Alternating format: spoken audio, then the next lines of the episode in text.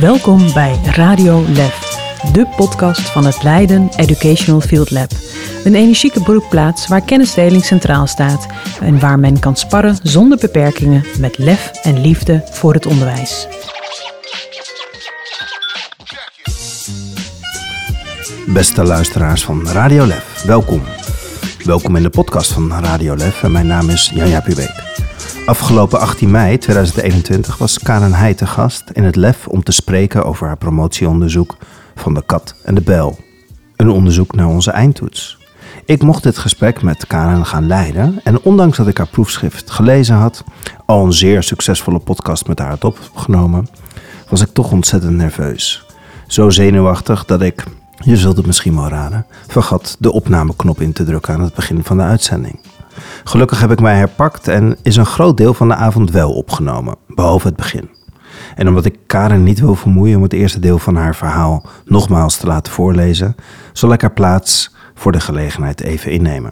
En halverwege geef ik hem gewoon weer terug aan Karen. Excuus voor deze ongemakkelijke struikeling en hopelijk komt het wel jouw denken, jouw perspectief en jouw handelen in de praktijk ten goede. Want het gaat immers om de inhoud van dit belangrijke onderzoek. Wat Karen zei en wat ik voor jullie zal voorlezen.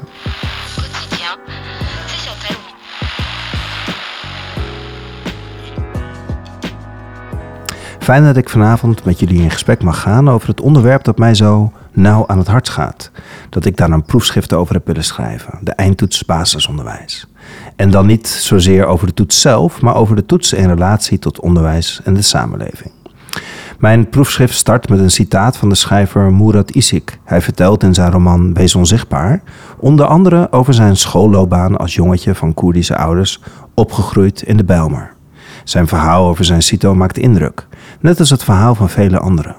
Als kind voelde, vreesde je de impact. Voor sommige kinderen viel het mee. Zij voelden zich gesteund door een advies dat hoger uitviel dan het advies van de school. Maar voor anderen is het een toets geweest die ze hebben moeten overkomen als een opgelopen trauma. Het is een toets waarover veel discussie is vanwege de smalle inhoud en vanwege het moment van toetsen. In de westerse wereld is onze vroege selectie uitzonderlijk en gebaseerd op een toets zelfs uniek. Dit werd door de onderwijsraad nog eens benadrukt in het rapport Later selecteren, beter differentiëren. Maar vergelijkbare oproepen hebben in de afgelopen decennia weinig bewerkstelligd. De eindtoets is een toetsinstrument dat van geen wijken weet en dat voorlopig alleen maar aan invloed en impact wint. In een uitzending van het Jeugdjournaal uit 2017 zien we kinderen die een VWO-advies hebben gekregen. Zij proosten met kinderchampagne. Het feest van de winnaars voor wie de wereld open ligt. En het wonderlijke voor de verliezers, die zich vanaf nu mogen rekenen tot het mindere deel van de samenleving. Ook al roepen we nog zo hard dat het VMBO en het MBO prachtopleidingen zijn en proberen we in onze taal de termen hoog en laag opgeleid uit de weg te gaan. Mijn proefschrift heb ik als titel meegegeven van de kat en de bel. Die kopzin speelt natuurlijk op de uitdrukking de kat de bel aanbinden. Een kat bindt je een belletje aan dat hem zichtbaar of beter hoorbaar maakt uit potentieel gevaar voor zijn omgeving. In overdrachtelijke zin betekent de kat de bel aanbinden ook dat je de stoute schoenen aantrekt om iets moeilijks te gaan bespreken. En die heb ik nodig, want het ligt niet gemakkelijk in Nederland. In Nederland hebben we een onderwijsstelsel dat bestaat uit verschillende sporen: praktijkschool, VMBO, op de vier niveaus: HAVO, VWO, gymnasium. Al decennia lang verdelen we onze leerlingen aan het eind van het basisonderwijs over die verschillende onderwijssporen middels een toets. Dit gebeurt verder nergens in de westerse wereld, maar hier wel. En wij doen het al zo lang dat je zou denken dat het zo hoort. En precies dat heb ik willen bevragen met mijn onderzoek. Want hoe is het gekomen dat de eindtoets basisonderwijs, die nog altijd door velen kortweg wordt aangeduid met de CITO, heeft kunnen uitgroeien tot het moment dat het nu nog altijd is. Wat doet die toets dan precies? En is dat ook wat wij collectief voorstaan als we spreken over eerlijk onderwijs of kansengelijkheid, anno 2021? In mijn proefschrift betoog ik dat de eindtoets basisonderwijs niet past in een onderwijssysteem dat zegt te streven naar inclusie, rechtvaardigheid, kansen voor iedereen en emancipatie.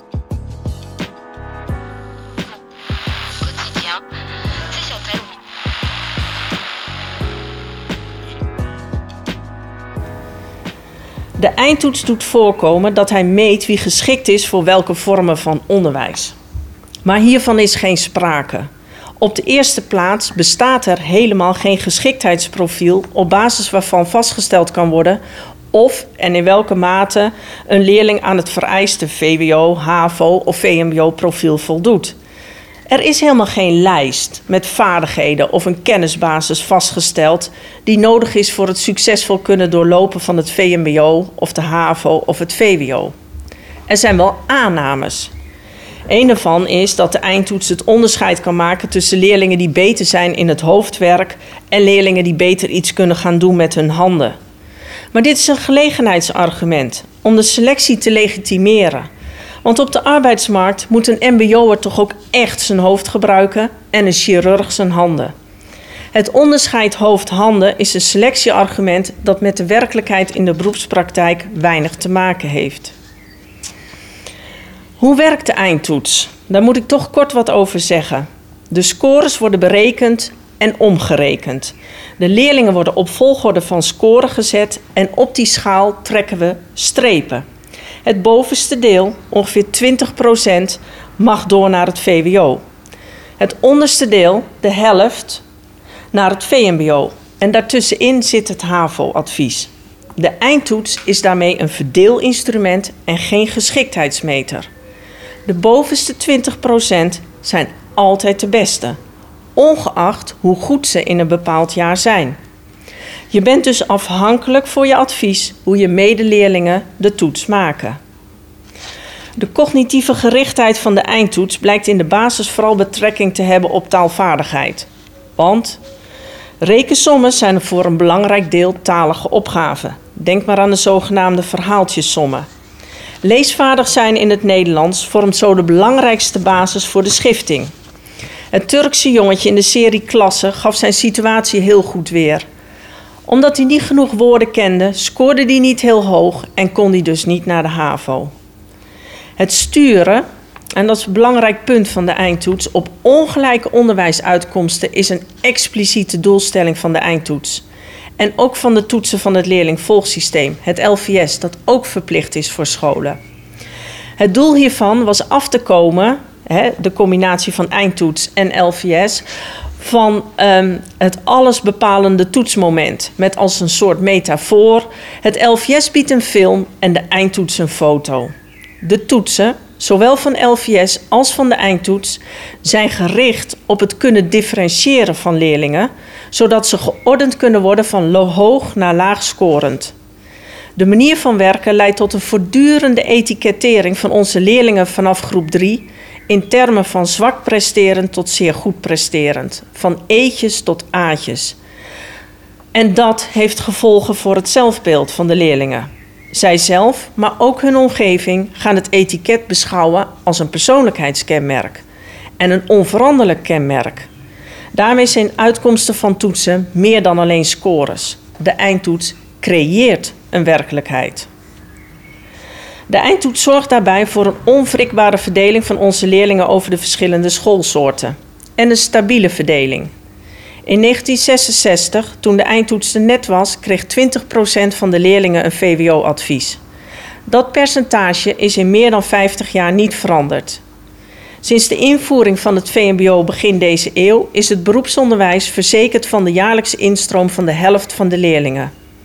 In de praktijk blijken vooral kinderen van autochtone, hoger opgeleide ouders de meeste kans te hebben op de hoogste onderwijsposities en zij profiteren het meest van dit systeem. Bevestiging van verschillen in resultaten voor taal en rekenen, mits te herleiden tot sociaal-economische achterstanden, leidt ook tot een positief inspectieoordeel bij de beoordeling van de kwaliteit van scholen. Want de inspectie bepaalt op basis van de gemiddelde sociaal-economische positie van de leerlingenpopulatie wat de opbrengsten per school zouden moeten zijn. Ze past haar norm dus aan op de populatie van de school. Dat lijkt eerlijk, want op sommige scholen moet je nu eenmaal harder werken voor resultaten dan op andere. Maar is het ook rechtvaardig? Want wat gebeurt er met het gevoel van urgentie om de verschillen te verkleinen? Wordt achterstand zo niet juist gelegitimeerd en bestendigd? Ehm, vanaf het begin heeft de eindtoets twee doeleinden gehad die zeker toetstechnisch op gespannen voet hebben gestaan met elkaar. De uitkomsten van de eindtoets worden zowel gebruikt voor het schooladvies van het individuele kind als voor de beoordeling van de kwaliteit van onderwijs. In het eerste geval dient de eindtoets een selectiedoel. En ik heb net geschetst hoe fijnmazig, maar inhoudelijk discutabel dat gebeurt. Ten behoeve van het tweede toetsdoel, informatie geven over de kwaliteit van de school en het onderwijs dat zij bieden, levert zo'n vergelijkende toets niet echt nuttige informatie op. Dat heeft rechtstreeks te maken met de selectiefunctie van de toets. Ik zal dat uitleggen. Opgaven die iedereen goed maakt, passen niet in een toets die bedoeld is voor selectie. Die zitten daar niet in. Maar vanuit het oogpunt van kwaliteit is het juist interessant om te weten wat leerlingen allemaal wel kunnen en wat het onderwijs wel weet te realiseren. Die primaire selectiefunctie van de eindtoets staat haaks op het in beeld kunnen brengen van wat onderwijs wel voor elkaar krijgt. Die twee functies worden nu in één toets verenigd en dat wringt. Daar komt bij dat, onderwijs, uh, dat kwaliteit van onderwijs over zoveel meer gaat dan een score op een toets die maar een heel smal deel van het curriculum dekt. De vergelijkende manier van meten zorgt ervoor dat kinderen hun bakje alleen maar kunnen ontstijgen ten koste van anderen. En die anderen gaan over het algemeen ook vooruit. Zo wordt het heel erg moeilijk je startpositie te verbeteren. De film van het LVS legt dit genadeloos vast. De beste aan de finish zijn vooral de kinderen die met de meeste bagage aan de start zijn verschenen. En dat is nauwelijks te zien als een verdienste van het kind zelf. Kortom, gelijke kansen betekent vooral dat alle leerlingen dezelfde toets op hetzelfde moment maken, zodat ze eerlijk met elkaar vergeleken kunnen worden niet de geschiktheid of passendheid ten opzichte van een vorm van vervolgonderwijs, maar de relatieve positie ten opzichte van de rest van de deelnemende cohort leerlingen is hierbij het uitgangspunt. En die score wordt maatschappelijk geassocieerd met een bepaalde mate van intelligentie, waarmee de rechtvaardigheid van de adviezen wordt gelegitimeerd. De invulling die we zo geven aan het begrip gelijke kansen is vooral een procedurele. De wedstrijd moet eerlijk zijn. Al was het maar om de winnaars het gevoel te geven dat ze terecht hebben gewonnen. Het hanteren van een vaste verdeelsleutel voor de verdeling van onderwijsposities laat zien dat onderwijs aan de bovenkant blijkbaar wordt beschouwd als een schaars goed. Dat alleen is weggelegd voor de jaarlijks 20% toetsbeste. Aan de onderkant lijkt meer sprake van een last die door de helft van de leerlingen moet worden gedragen, omdat de samenleving nu eenmaal voor een substantieel deel drijft op banen op MBO-niveau. Vooral kinderen van lager opgeleide ouders en kinderen die thuis opgroeien met een andere moedertaal dragen de lasten en kinderen van hoger opgeleide de lusten. Zo neemt de ongelijkheid eerder toe dan af. De huidige uitgangspunten van onderwijs en toetsing leiden zowel op het niveau van de school als op het niveau van de leerling meer tot een bevestiging van de uitgangssituatie bij intreden in het funderend onderwijs, dan dat het leidt tot het vergroten van, van kansen voor kinderen die met achterstanden, of nog liever gezegd, uh, andere bagage het onderwijs instromen. Het verleden bepaalt zo in hoge mate ook de toekomst van de kinderen.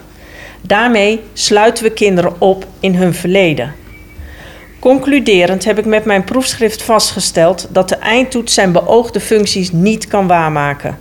De eindtoets is niet geschikt voor de verantwoording en beoordeling van leerresultaten van scholen en blijkt niet of nauwelijks de emancipatoire rol te vervullen die we er in het kader van selectie graag aan toedichten. De eindtoets draagt vooral bij aan een verdere bevestiging van de bestaande maatschappelijke ongelijkheid en een verdere verharding ervan. Deze conclusies vragen om een debat. Een debat over hoe dan wel. Wat dan wel? Daar gaat mijn proefschrift niet over. Daar zijn avonden voor deze voor nodig.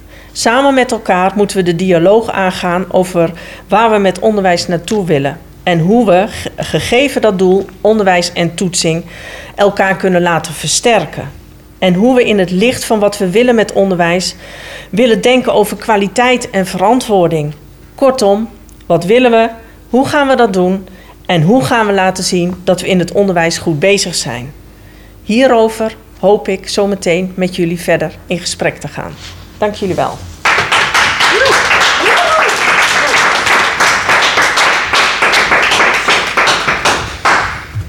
Dankjewel Karen voor je, voor je verhaal. Mensen thuis, eh, het lijkt wel echt een tv-studio hè, mensen thuis en mensen hier in de studio. Eh, aan jullie de vraag om eh, het papiertje te pakken en even in stilte na te denken over wat je net beluisterd hebt. Met de vraag, wat heeft je enorm geraakt of wat heeft je enorm verwonderd hierbij? Wat zijn vragen, dingen die bij je op zijn gekomen? Denk daar eventjes over na. Eh, zometeen word je eh, thuis in een breakout room met drie personen gezet. En het idee is dat je dat met elkaar gaat delen.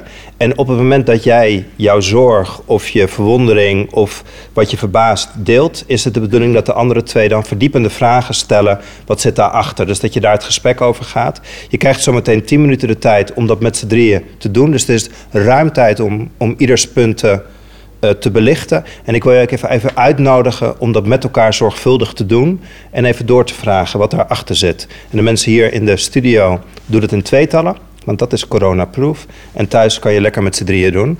Eh, je gaat in een breakout room. En dan kom je automatisch over 10 minuten weer terug hier in het lab.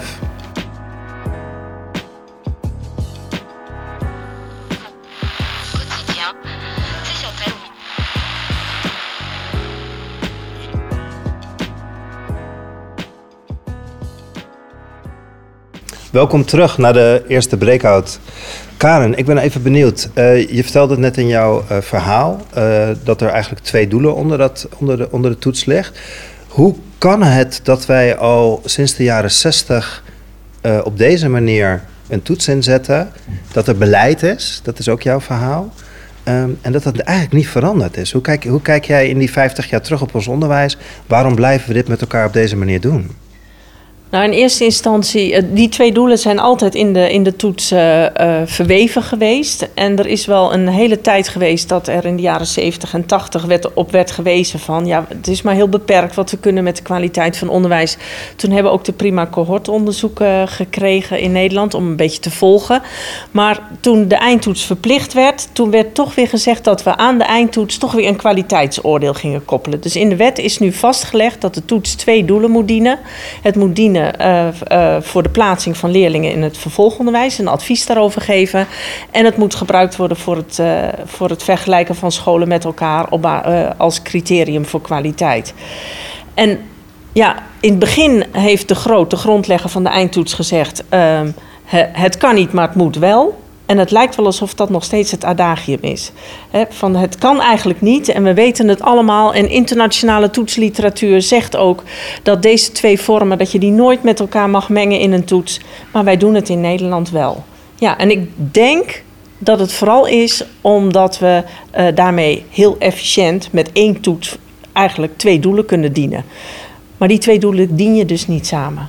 En in hoeverre is het uh, voorsorteren op de middelbare scholen, het voorsorteren op een verdeling in de maatschappij wel degelijk beleid geweest? Nee, dat is altijd het beleid geweest. Dus selectie is het uitgangspunt geweest, het primaire uitgangspunt van de toets. En dat is ook nu nog steeds. En daarmee zie je dus dat uh, de toets ook opgaven bevat die vooral het selectiedoel dienen. En die dus niet geschikt zijn om vast te stellen wat iedereen bijvoorbeeld wel kan. Want opgaven die iedereen wel kan of wel goed doet, die zitten er niet in. Want daarmee kun je niet selecteren. Dus het is primair, de focus is wel op de selectie. En dat is eigenlijk in Nederland, en dat is best heel bijzonder, dat we in Nederland een cultuur hebben gecreëerd. En ik ben teruggegaan tot uh, eind uh, 19e eeuw. Uh, waar we begonnen zijn met onderwijs. Maar het willen vissen in de vijver naar de beste. Dat is een, bijna een, een, cultuurkenmerk in Nederland geworden en gebleven. We spraken in de jaren twintig al over. We zijn op zoek naar een doeltreffende zeef. Nou, we hebben hem nog steeds niet gevonden. Maar het is wel wat Nederland heel graag heeft gewild. Een efficiënte inrichting van het onderwijssysteem. En ik, ik, als ik dat vergelijk met een heleboel andere onderwijssystemen... dan kom ik ook tot de conclusie dat Nederland vooral een heel economisch, financieel voordelig model wil voor onderwijs. Want je zal eens investeren in kinderen die er daarna niks mee doen. Ehm, dat is wat wij vooral hebben. Terwijl heel veel andere landen zeggen: nee, we moeten kinderen breed vormen. We moeten ze meenemen tot een bepaald niveau van kennis en vaardigheid. Ook de ontwikkeling tot uh, bepaalde burgers van onze samenleving. Maar Nederland heeft efficiëntie. Uh, heel erg uh, gedomineerd in de keuzes die gemaakt zijn. En in hoeverre is die efficiëntie dicht op het onderwijssysteem. Hè, dus we willen zoveel procent op het VWO, zoveel op de haven. Of is dat ook nog een stapje verder in onze maatschappij? Hebben wij. Uh, het is een arbeidsmarktmodel. Dus het is heel erg geredeneerd vanuit de arbeidsmarkt. Van wat heeft de arbeidsmarkt nodig? En uh, de diplomering wordt ook wel gezien als een eerste fase in het sollicitatieproces. Eigenlijk hebben we dat in Nederland met uh, onze diplomering vangen we dat af. Want als je uh, als werkgever iemand aanneemt die een HAVO-diploma heeft, dan heb je het idee dat daar al een eerste drempel voor jou gelegd is. Het is een, een heel economisch model waarbij we dus hebben gezegd: dit hebben we nodig aan arbeidskrachten. Nou, dan moeten we ook zorgen dat het onderwijs die aanlevert. En zo krijg je dus dat we nog altijd maar 20% VWO hebben. Het is ook exclusief ja. daarmee. Als wij, een, ik werk aan de leraaropleiding, als wij een toets maken, dan, dan beogen we daar iets mee. Dan hebben we daarmee een bedoeling. We willen iets weten. Wat is de bedoeling van het onderwijs?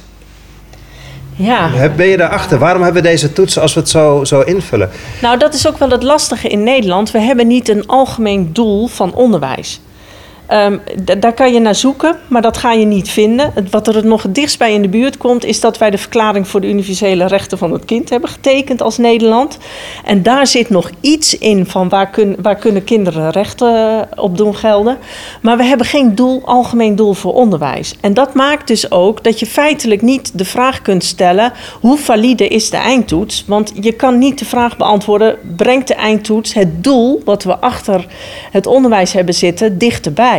Want we hebben niet het doel. Dus we kunnen ook niet vaststellen of we dat doel wel of niet dichterbij brengen met de eindtoets. En bijvoorbeeld in Amerika hebben ze een heel toetsprogramma opgetuigd. Uh, eind vorige eeuw, begin deze eeuw uh, hebben ze daarmee gewerkt.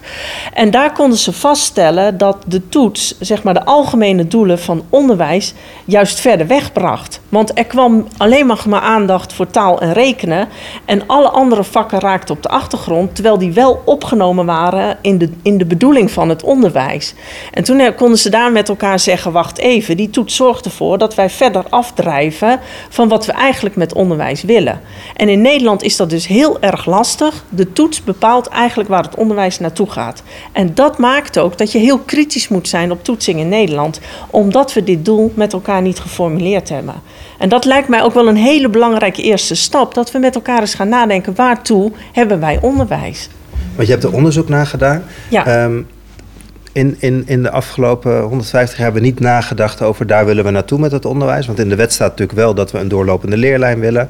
Veel scholen zijn bezig met waartoe dient het onderwijs. Ja. Maar het is niet gevangen. Is het, is het kip-ei? Nou, um, kip-ei weet ik niet. Wij hebben, wij hebben hier in Nederland altijd heel veel waarde gehecht aan de vrijheid van onderwijs.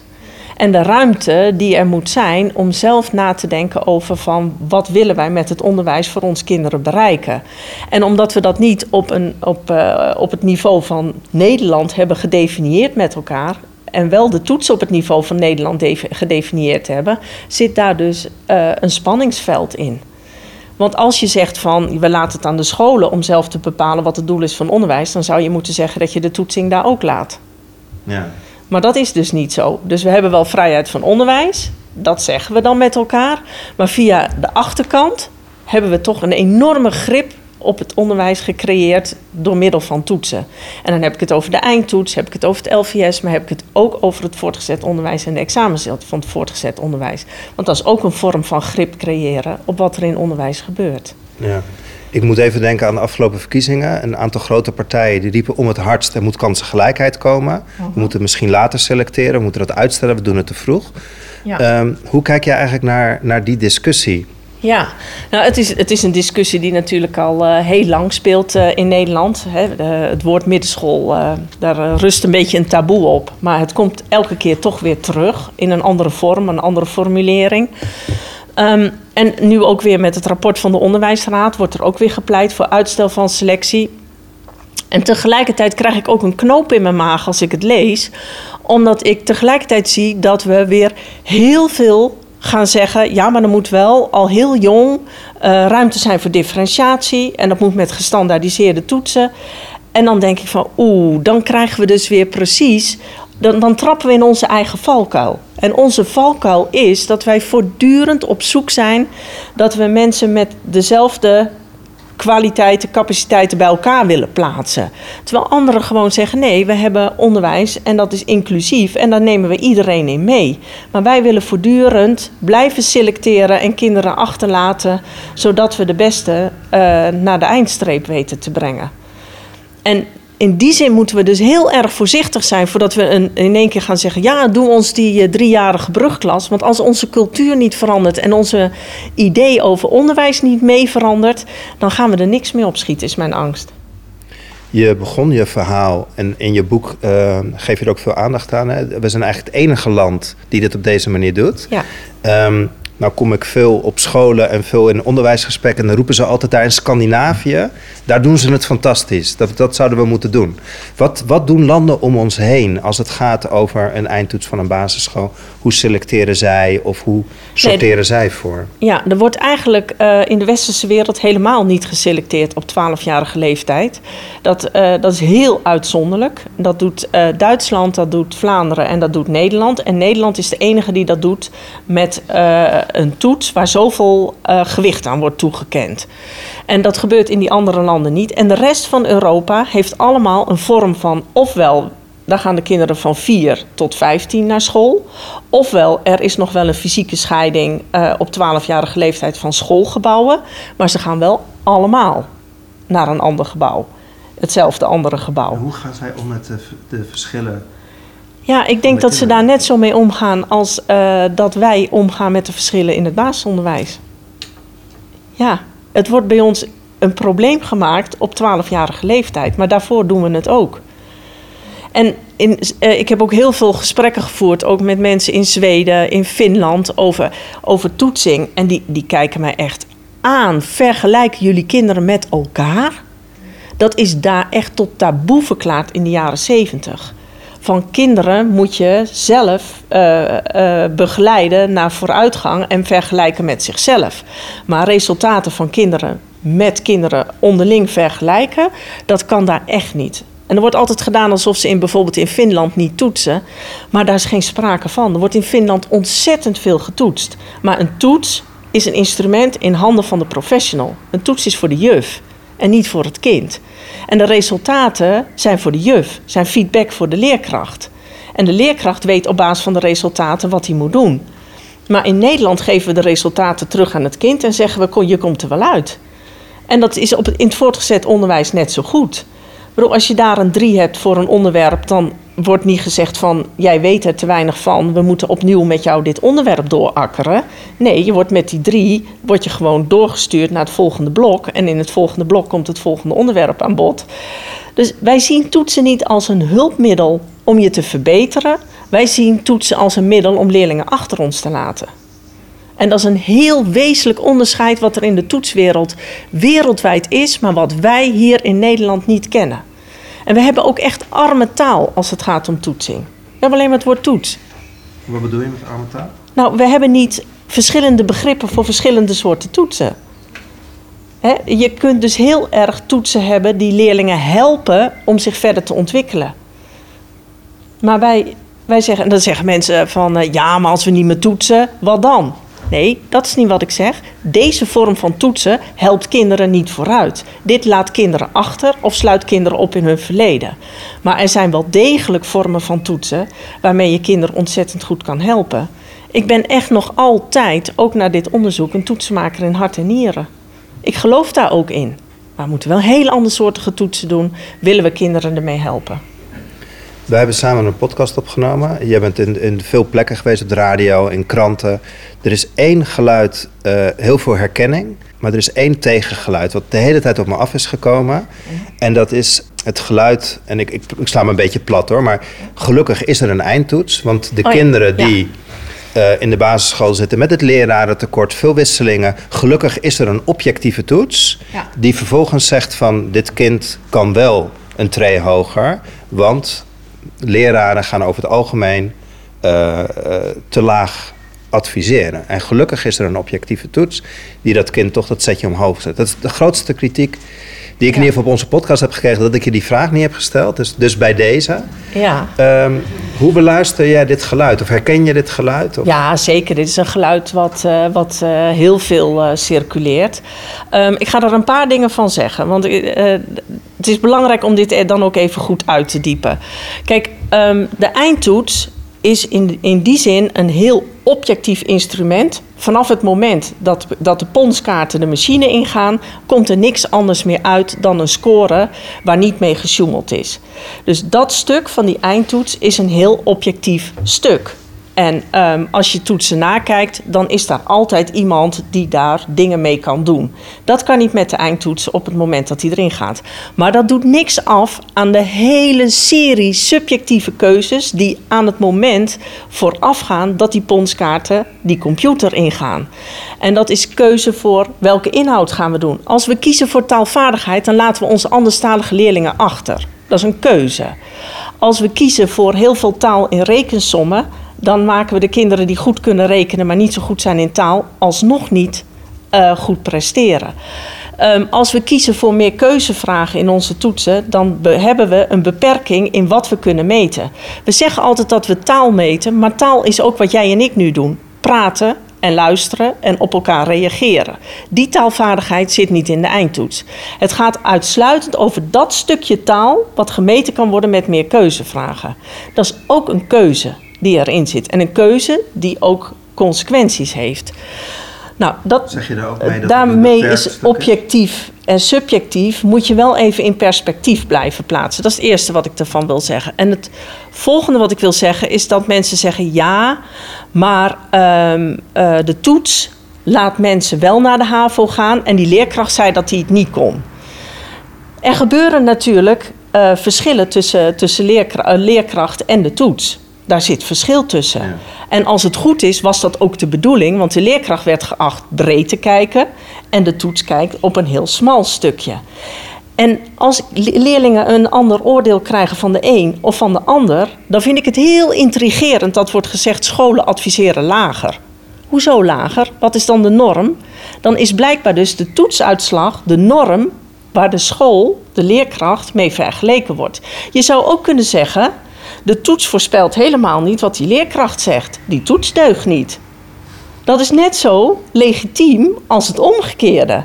Maar er wordt per definitie van uitgegaan dat de professional te wantrouwen is in zijn oordeel en dat de toets te vertrouwen is in zijn oordeel. Nou, dat is best bijzonder dat we dat doen.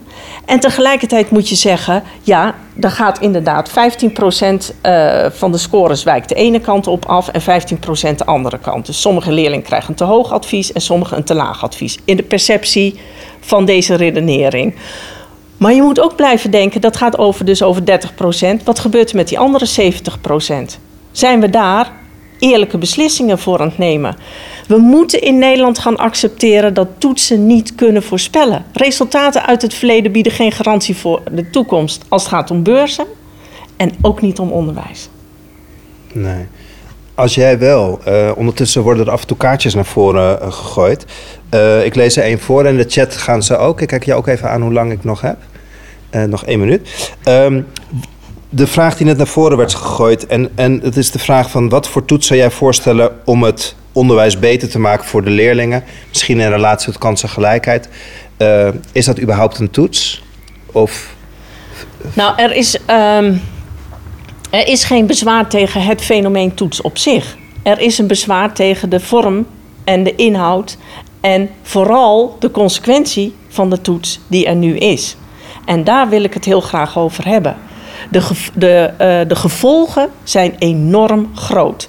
Kijk, als je meedoet aan een hardloopwedstrijd en je verliest, dan kan je de week erop bij wijze van spreken weer intekenen. Kan je weer opnieuw meedoen met een hardloopwedstrijd. Dit is een wedstrijd die je niet kan herkansen. En daarmee is er veel te veel druk op deze wedstrijd gekomen. Terwijl de wedstrijd ook nog niet eens uh, een wedstrijd is zoals je die zou willen vormgeven als het gaat om eerlijkheid. Ja, om ons heen worden er heel veel kaartjes naar voren gegooid. Er luisteren thuis veel mensen. Er zitten hier studenten, ook mensen uit het werkveld van scholen, van besturen. Wat als, als opmaat naar zometeen de volgende breakout. Wat, wat kunnen wij morgen al in jouw perceptie veranderen aan, aan, aan wat we met elkaar op dit moment doen? Ja, het is natuurlijk heel complex. En ik heb ook niet een oplossing onderzocht in, eh, in mijn proefschrift. Ehm, maar wat, ik, wat uit mijn proefschrift wel komt, is dat het de problematiek op een heleboel eh, niveaus speelt. En wat je als individuele leerkracht in elk geval mee kan beginnen, is niet te veel waarde toekennen aan de uitslag die uit de toets komt. Want daar begint het al mee. Dat op het moment dat je als leerkracht zegt, en ik heb het ook gezien in de serie klassen, ehm, waar ik echt niet van kon slapen, dat ze zeggen van ja, kijk dat lijntje in dat leerlingvolgsysteem, dat, ja, dat gaat nu toch een beetje zo. Ja, nee, nee, nee, dan zit een HAVO-advies er toch niet in. Kijk, dat zouden we gelijk kunnen stoppen, per direct morgen. Want dat is iets wat je heel snel kan doen. Daarmee heb je nog niet de verplichting om een LVS te gebruiken eh, eh, opgelost. Want daar zitten we nog aan vast. Er zit op het niveau van de leerkracht, op het niveau van de schoolbesturen, op het niveau van beleid en op het niveau van politiek moeten allemaal stappen gezet worden. Maar wat je als individuele, individuele leerkracht gelijk kan doen, is de toets klein maken. Mooi, dat is meteen een mooie opstap naar de volgende breakout. We gaan zo meteen weer uh, in drietallen in de breakout. En de vraag die ik aan, aan je wil meegeven is: wat kan jij morgen eigenlijk al doen? Of hoe kan je je denken aanzetten? Jullie hebben allemaal een ander perspectief op het onderwijs. Wat kan jij vanaf morgen in gang zetten in, in je denken, in je doen? Je geeft een mooi voorbeeld wat je in je klas zou kunnen doen. Maar voor directeuren die thuis kijken of bestuurders, hoe kunnen we met elkaar het gesprek gaan voeren om dit ter discussie te stellen? En ik wil weer even vragen of je dat even in rust voor jezelf kan bedenken. En dat op dezelfde manier weer in de breakout room en hier live in het lab met z'n tweeën. Dat je dat deelt en dat je dan vervolgens een aantal vragen doorvraagt. Wat zit daarachter? Wat bedoel je? En misschien empowert en misschien ook helpt in het denken erbij. Wat kan jij met dit, met deze wetenschap, die we al heel lang weten, eigenlijk morgen al in jouw onderwijs gaan veranderen? Dat is de vraag. Veel plezier in de volgende breakout en tot over 10 minuten.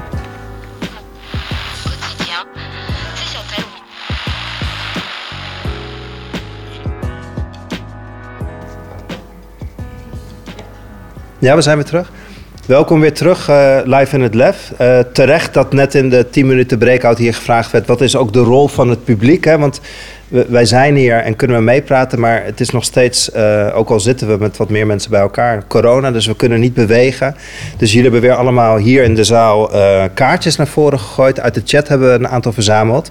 En Karen, een van de vragen die veel terug is gekomen... van verschillende dingen, is er zijn verschillende eindtoetsen. Je, zei net al, de CITO is de meest gangbaar, natuurlijk ook IEP. En de vraag eh, is in hoeverre zijn die verschillende eindtoetsen en dragen ze op dezelfde wijze bij aan, aan het systeem? In hoeverre zijn die verschillende toetsen ook daadwerkelijk verschillend of doen ze eigenlijk allemaal hetzelfde? Ja, ik heb eh, in mijn eh, promotieonderzoek heel nadrukkelijk gekozen om te spreken over de, eh, de eindtoets basisonderwijs. En wat mij betreft vallen daar alle eindtoetsen onder. Er zijn allemaal verschillende eindtoetsen gekomen in de loop van de tijd, zeg maar na de wetswijziging. Maar de, de, zeg maar de kaders waarbinnen de toetsen moeten opereren zijn heel vergelijkbaar. Dus wat mij betreft kunnen we gewoon spreken over de eindtoets basisonderwijs, omdat ze eigenlijk allemaal op dezelfde manier werken. Ja, ze worden door de overheid aangestuurd en ze Ja. selecteren eigenlijk allemaal op hetzelfde. Allemaal moeten ze hetzelfde doen en Dus- ook op dezelfde manier. Ja. En dat kan ik zeggen omdat ik als ontwikkelaar van de eerste eindtoets van bureau ICE, de IEP, hier eh, in levende lijf mee heb moeten dealen. En is het ook echt zo dat als je de IEP doet en je de doet, dat daar een vergelijkbaar verhaal uitkomt?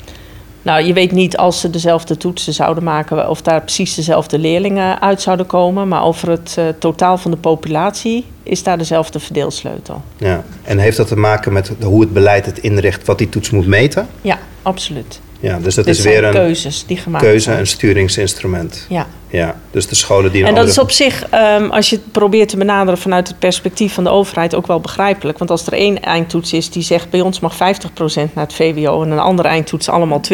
Nou, dan raakt het systeem in de war. Ja, dan eh, is lijden in last natuurlijk. Dus je Ja. snapt wel dingen vanuit beleid, maar het toont wel aan hoe vreemd het gaat.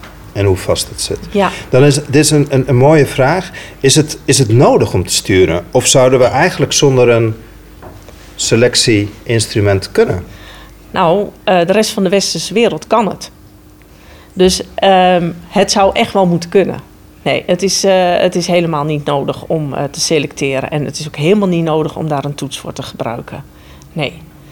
En ehm, zeg maar, die toets is ook des te kwalijker in zijn effecten omdat het in het voortgezet onderwijs zo moeilijk ook is gemaakt om eh, te wisselen van stroom. Dus het is eh, de eindtoets aan de ene kant, gekoppeld aan het LVS, maar ook de rigiditeit die in het voortgezet onderwijs heeft plaatsgevonden, waarbij het steeds moeilijker wordt om van stroom te wisselen. Het is echt een sjoelbak geworden en zit je in een vakje, dan kom je daar niet goed meer uit. En daar hebben we allemaal prikkels ingebouwd. Zelfs het overstappen van HAVO naar VWO. Dat moet met een bepaald cijfer gemiddeld. Want anders zit het voortgezet onderwijs met een leerling die het mogelijk wel niet zou kunnen halen. Dus het is een, een, een heel systeem waarin we echt rigide zijn gaan stroomlijnen. En daar moeten we op terugkomen. Dit doet eh, geen recht aan onze kinderen. Ehm, net hebben we aan de mensen thuis gevraagd van wat kan jij morgen anders doen? Ja. Als jij morgen in het nieuwe kabinet, eh, ik weet niet wie, maar een nieuwe minister, maar jij wordt minister van Onderwijs. Aan welke knoppen ga je als eerste, zou jij gaan draaien? Ja, ik vind dat heel lastig. Kijk, dat is niet het onderwerp van mijn proefschrift eh, geweest. Hè? Dus, maar wel het eh, gevolg ervan? Het, ja, het, het gevolg is dat ik wel onderdeel wil zijn van de oplossing. Dus ik wil daar ook heel graag over meedenken vanuit het perspectief van toetsing. Ehm, als je moet kijken vanuit het perspectief van toetsing, moet je zeggen: toetsen kunnen niet wat we nu vragen van toetsen. En dat heeft te maken dat we het ook heel moeilijk vinden om vertrouwen te hebben in een professional die daar een oordeel over geeft. En als we geen vertrouwen hebben in de professional, dan zouden we het ook meer op zijn beloop kunnen laten. Maar dat vinden we ook weer heel erg lastig. Want dan zitten we ermee van, eh, dan moeten we misschien wel iedereen zes jaar voortgezet onderwijs gaan aanbieden. En dan wordt het wel heel erg duur. Dus, ehm, maar het is eigenlijk best een hele rare situatie dat degene die het meeste onderwijs zouden kunnen gebruiken, het kortste naar school mogen. Ja. Ja, dus er is wel heel veel voor te zeggen om anders te kijken naar, eh, naar voortgezet onderwijs. Ja. Maar ik, ik, kan niet zeggen van eh, je moet aan die knop draaien, want het is een, het is een radenwerk. Waarbij als je aan de ene knop draait, je ziet het aan de onderwijsraad, als die dan zegt uitstel van selectie, word ik toch onrustig. Ja, dus het, het, het is een geheel wat je moet doordenken. En je moet het dus op verschillende manieren benaderen. En daar heb je ook een veelheid van mensen voor nodig die hierover na gaan denken. Maar denken dat onderwijs eh, een proces is met eh, een output die je kan sturen, daar moeten we vanaf.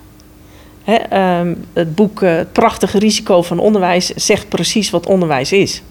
Het is niet een te sturen proces met input en output en eh, we kijken wat, er, wat daaruit komt. Zo werkt het niet. En we moeten ook niet zeggen, ja, we moeten allemaal gelijk aan de start verschijnen, want dat gaat ook niet werken. We verschijnen niet gelijk aan de start. We moeten zorgen dat onderwijs eerlijk is en rechtvaardig is voor iedereen. Ja. Of in elk geval voor zoveel mogelijk kinderen. Kan je dat nog even eh, in jouw woorden duiden? Je, je, je hebt het in je lekenpraatje net verteld in je eerste kwartier. Maar nog even dat die ongelijkheid, ongelijk start ook echt zo doorgaat. Ehm, in, je, je, je proefschrift geef je er even mooi Ja. aandacht aan. Kan je, dat- kan je dat nog iets meer context geven? Want Nou. dit is natuurlijk, eh, ik denk even aan die 8,5 miljard die nu voor het onderwijs komt. We gaan in de zomer extra onderwijs geven. Ik denk even aan wat jij net zegt over input en output. We stoppen er even wat extra's in, waardoor die gelijkheid komt. Ehm, waarom werkt dat niet zo? Nou, eh, waar, waar ik vooral in mijn proefschrift eh, het over heb, is als we kinderen voortdurend vergelijken met elkaar, dan krijgen we geen zicht op eh, de groei van individuele kinderen.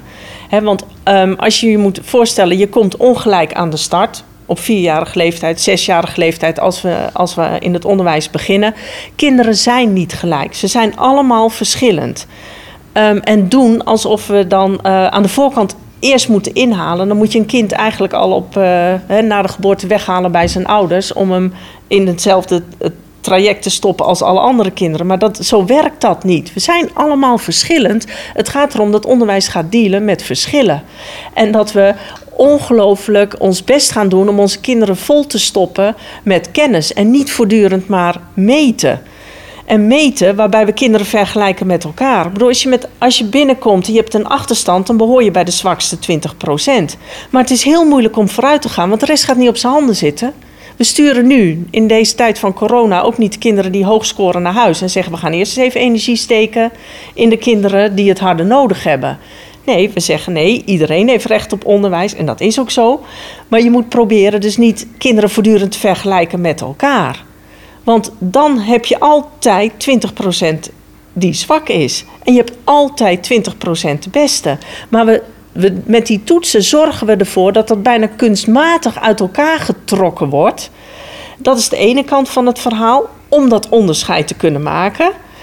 Ehm, en, en dat uit elkaar trekken van die kinderen doet geen recht aan de, aan de kinderen die eigenlijk veel dichter bij elkaar zitten. En eh, eh, veel meer gebaat zouden zijn bij heel veel kennis erin stoppen in plaats van heel veel meten. Mijn verhaal is altijd van vaker wegen wordt de kip niet zwaarder. Je, moet daar, je moet zorgen dat daar, dat daar voeding in gaat. Dat is wat we moeten doen in onderwijs. En we moeten niet voortdurend maar meten en nog meer meten en nog vaker. Want de uitkomsten van de toetsen, de meeste leerkrachten weten wel wat eruit gaat komen. Ja, want je vergelijkt kinderen met elkaar. En dat is niet wat, uh, wat nodig is om te groeien. We moeten energie stoppen in de kinderen zelf, in hun ontwikkeling. Um, net in de bereikhoud wordt er een, een, kaartje naar voren gegooid. En um, uh, ik probeer hem concreet te stellen. De, de, hij slaat uit, aan bij jouw verhaal eerder dat, dat, we economisch ingericht zijn in ons onderwijs. Zeker na de Tweede Wereldoorlog. De, het land moest weer opgebouwd worden. Zoveel procent werklui, 20 procent hoger opgeleide. Um, de vraag is dat de, de toekomst van de arbeidsmarkt op dit moment best veel diffuus is. Er is, veel, het is niet meer zo voorspelbaar wat we nodig hebben. Ja. Uh, zou je daar ook mee kunnen verklaren dat, dat deze toets eigenlijk ook gewoon überhaupt al eindig is? Want hij, hij dient niet meer voor de arbeidsmarkt die wij nu hebben. Zit daar een relatie in? Ja, dat is natuurlijk heel lastig. Van, uh, hoe ziet die arbeidsmarkt eruit? Uh, en ik, ik, weet het niet zo goed. Kijk, vanuit de jaren 50 en 60 kun je wel verklaren dat dat een, een, een, een economisch en wederopbouwmodel was. En, maar het is ook wel een model wat heel veel comfortabelheid geeft. In de zin van, we weten precies hoeveel leerlingen over vijf jaar in welke vorm van onderwijs zitten. Als je kijkt naar de onderwijsvoorspellingen voor de komende vijf jaar, dan is het ook wel comfortabel dat we weten wat het aantal leerlingen zal zijn wat straks in VWO zit. Want het heeft gevolgen voor de leraren die er zijn, het heeft gevolgen voor de gebouwen, het heeft gevolgen voor de begroting, want die gaan zes jaar naar school.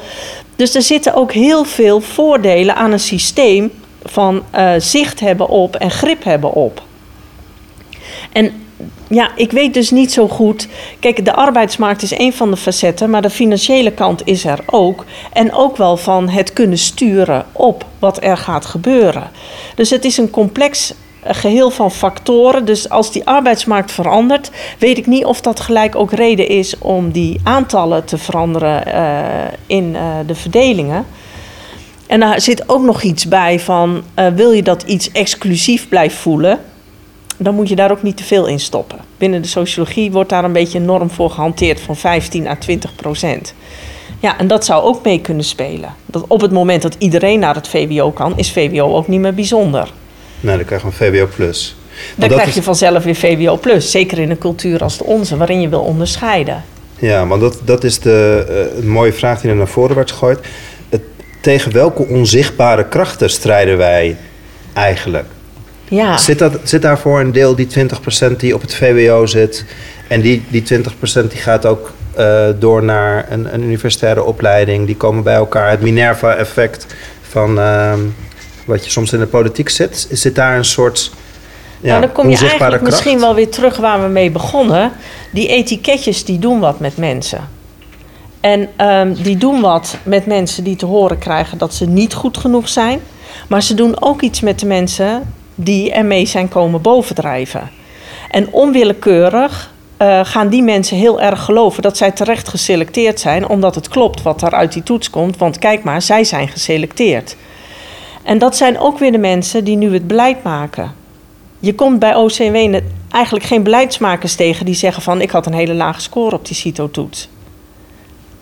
Dus het is ook een self-fulfilling prophecy, waarbij dus mensen uh, er ook over gaan, over de verdeling, die zelf zijn komen bovendrijven met de toets. En die denken dus onwillekeurig dat die toets wel klopt. En je vraagt dus eigenlijk van mensen die er hun succes aan ontlenen, om te zeggen dat het beperkte waarde heeft en dat het afgeschaft moet worden. En daar zit denk ik ook een bottleneck. Ja. Ehm, daarmee kom je, kom je op een vraag die, die ook naar voren is gegooid. En dat, dat geef je ook aan. In het onderwijs kunnen we het misschien niet veranderen. Het ligt meer in de, in de samenleving. Er zijn hier studenten, eh, er zijn hier mensen ook van leraaropleidingen. Ehm, eigenlijk de grote vraag is van hoe kunnen we het vertrouwen teruggeven aan, aan de leraren in het onderwijs om het goede te doen voor die kinderen. Ja, nou, ik denk dat daar niet zo, uh, niet zo heel veel voor, nodig is. Ik kom eigenlijk alleen maar leerkrachten tegen die uh, heel blij worden van dit verhaal, omdat ze. Die moeten iets met de uitslag van toetsen. Maar wat kun je met een relatieve meting als individuele docent met een, leer, met een groep? het geeft geen feedback op jouw lesgeven. Het geeft geen handvatten wat je dan de volgende dag anders in de klas moet doen. Nee, die, die uh, algemene gestandaardiseerde toetsen die geven een beeld over de hele populatie waar je als individuele leerkracht heel weinig mee kan. Maar onwillekeurig is het systeem er wel op ingericht dat het van boven naar beneden wordt gedrukt. Van het moet steeds beter, beter, beter, beter. Jij moet je best doen, je moet wat doen met die uitkomsten. En leerkrachten denken dan, ja, ik, ik weet niet wat ik ermee kan. En ik zeg altijd, je hebt gelijk. Ik zou het ook niet weten. Ik weet niet wat je ermee kan als je voor de klas staat met uitkomsten van de toets. Maar er wordt dan eigenlijk niet geconcludeerd dat de uitkomsten van de toets niet zo bruikbaar zijn voor de dagelijkse praktijk in de klas. Er wordt gezegd dat leraren niet weten hoe ze met toetsen moeten omgaan. En dat is ook iets wat moet kantelen. Dus ik, ik, ik bedoel, ik, ik probeer maar te zeggen, het is heel complex. Het zijn allemaal kleine radertjes die in elkaar grijpen. Ja. En er moet dus heel veel gebeuren. Maar het is heel erg moeilijk om op basis van een relatieve meting te voorspellen waar een kind terechtkomt. Want je weet niet wat de rest van de populatie doet. Nee. Je hebt en je een enorme... moet toch voorspellen. Want als jij het als leerkracht niet hetzelfde doet als straks uit die toets komt... dan krijg je ook nog eens een keer te maken met de inspectie... die zegt, hoezo heb jij een ander oordeel gegeven dan uit die toets komt? En um, er wordt dus nu ook wel gezegd van ja, dus je moet de uitkomsten van het LVS meenemen. Dat zegt de inspectie ook. De inspectie heeft ook een app ontwikkeld waarin je kan oefenen hoe je zo dicht mogelijk bij de uitkomst van uh, de eindtoets komt. Um, en dat geeft alleen maar aan dat, uh, dat er steeds meer geprobeerd wordt daar één lijn in te krijgen, zodat het waar gaat worden. Maar je maakt iets waar wat niet waar is. En het wantrouwen in de professional, ik vind het niet terecht. Nee, dat is een mooie. Dat is eigenlijk ook een mooie opstap naar de volgende uh, avond die we gaan hebben. Dan gaan we het over vertrouwen hebben. In, ja. in de laatste minuut is een vraag die naar voren werd gegooid, ook vrij vroeg in de avond. Wie hebben jou allemaal benaderd? Je hebt een enorme steen in de vijver gegooid met je, met je onderzoek. Ja. Politiek, OCW. Uh, heeft de minister al gebeld? Wat, wat gebeurt er? Ja, uh, eerlijk gezegd kijk ik daar ook wel naar uit. Weet ik ook niet zo goed wat er gaat gebeuren. Ik heb dit natuurlijk geschreven um, um, omdat ik wil dat iets in beweging komt. En ik heb al een keer eerder in een interview gezegd van ik ga een jaar op een zeepkist staan en dan zie ik wel hoe ver ik kom. Ik bedoel, als alle krachten tegen mij zijn, dan houdt het ook een keer op. Maar ik kan niet meer doen dan mijn morele plicht en dat is opschrijven wat ik weet. Ja. En dat heb ik gedaan. En ik weet dat opschrijven nog niet genoeg is, dus je moet er ook nog over praten. Dus ik ben hier en waar ik uitgenodigd word zal ik verschijnen. Als het bij Slop is, bij de minister, dan ga ik daar naartoe. Als het in de Tweede Kamer is, ga ik daar naartoe. Als het bij OCMW is, ga ik daar ook naartoe. De PO-raad, ik wil overal wel naartoe om dit verhaal te vertellen. Maar ik moet wel uitgenodigd worden. Ja, nou dank dat ik je hier wilde zijn. Ik ga het woord teruggeven aan jou, Sanne. Je loopt al met grote boog om iedereen heen op veilige afstand. Ik geef je de microfoon. En dank voor je uh, input vanavond en je schitterende boek. Ja. Ja, dit is, toch, dit is toch avontuur, of niet toch? Ga je mee op avontuur? Wat ga jij morgen doen? Wat ga je met de kinderen in je klas bespreken? Wat ga je met je studenten bespreken, met je collega's? Ik weet het wel. Mijn dochter die zei, ik snap echt niet, mam, waarom ik in groep 3 een toets moet doen. Want ja, de juf wist toch al dat ik dit te goed kon? Nou, ik denk dat we dat gesprek met elkaar moeten gaan voeren. En Karin, echt super bedankt dat je hier vandaag live was in het LEF. Je hebt echt een geweldige start van dit toetsenavontuur uh, met ons uh, gemaakt. En uh, ik hoop dat jullie de volgende keer er ook bij zijn. Want we hebben een hele mooie serie. Want op 1 juni komt dus Rob Martens met innerlijke motivatie. Dat is weer even de andere kant van toetsen en vertrouwen. 8 juni komt Elisabeth Langeveld. Zij doet ook promotieonderzoek naar toetsen. En zij gaat het in op het spanningsveld tussen toetsen en vertrouwen.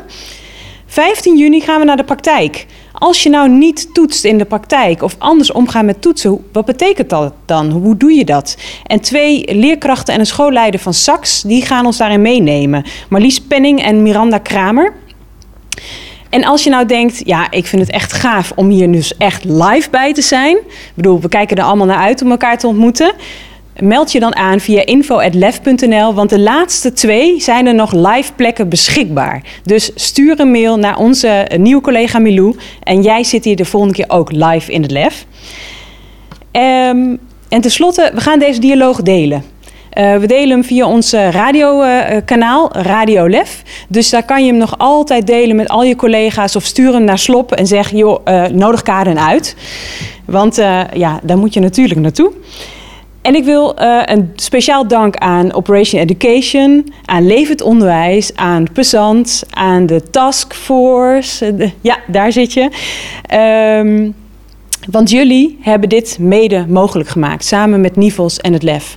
Dit is de, de basis van ons toetsavontuur. Dus gaaf uh, dat we dit nu gestart zijn met elkaar. En dan tot slot, voor alle, ja, ik wil bijna zeggen kijkbuiskinderen. Uh, het is gewoon een hele leuke setting voor ons om een keer live mensen te hebben en thuis. Ik wil eigenlijk afronden met de volgende checkout. En dat is uh, de uitdaging om even een stuk papier te pakken. En daar, en dat ook voor de mensen hier bij ons in de studio. En schrijf daar in één woord, geen zin, één woord op. Wat heeft deze avond jou gebracht? Wat heeft deze avond jou gebracht in één woord? En als je dat gedaan hebt, hou hem voor je scherm. Want wij kijken hier, we zijn hier uh, live, maar we zien jullie ook op het scherm. En laat zien wat deze avond jou heeft gebracht. Ja, kijk, de eerste komen al. Inspiratie zie ik. Hieke, echt serieus zo klein. Helderheid. Strijdlust. Ik zie hier staan actie. Ik zie hier staan gesprek, bevestiging. Nog een keer bevestiging, ook nog meer actie. Uh, verwarring, diversiteit, een drive, energie, verandering, gesprek, kennis, mechanisme, respect. respect. Cheert, wat hebben we nog meer? Verbinding. Vertrouwen. Vertrouwen, verbinding, mechanisme, ja. Ik wil jullie uh, heel erg bedanken uh, thuis. Dat jullie voor ons gekozen hebben en niet voor het Songfestival. en uh, en voor ook de mensen die hier fysiek zijn. Je kunt ook het Songfestival terugkijken. Maar je ziet, je ziet dit verhaal of je luistert naar dit verhaal opnieuw bij Radio Lef via www.lef.nl. En voor nu, nou, fijne avond. Dankjewel.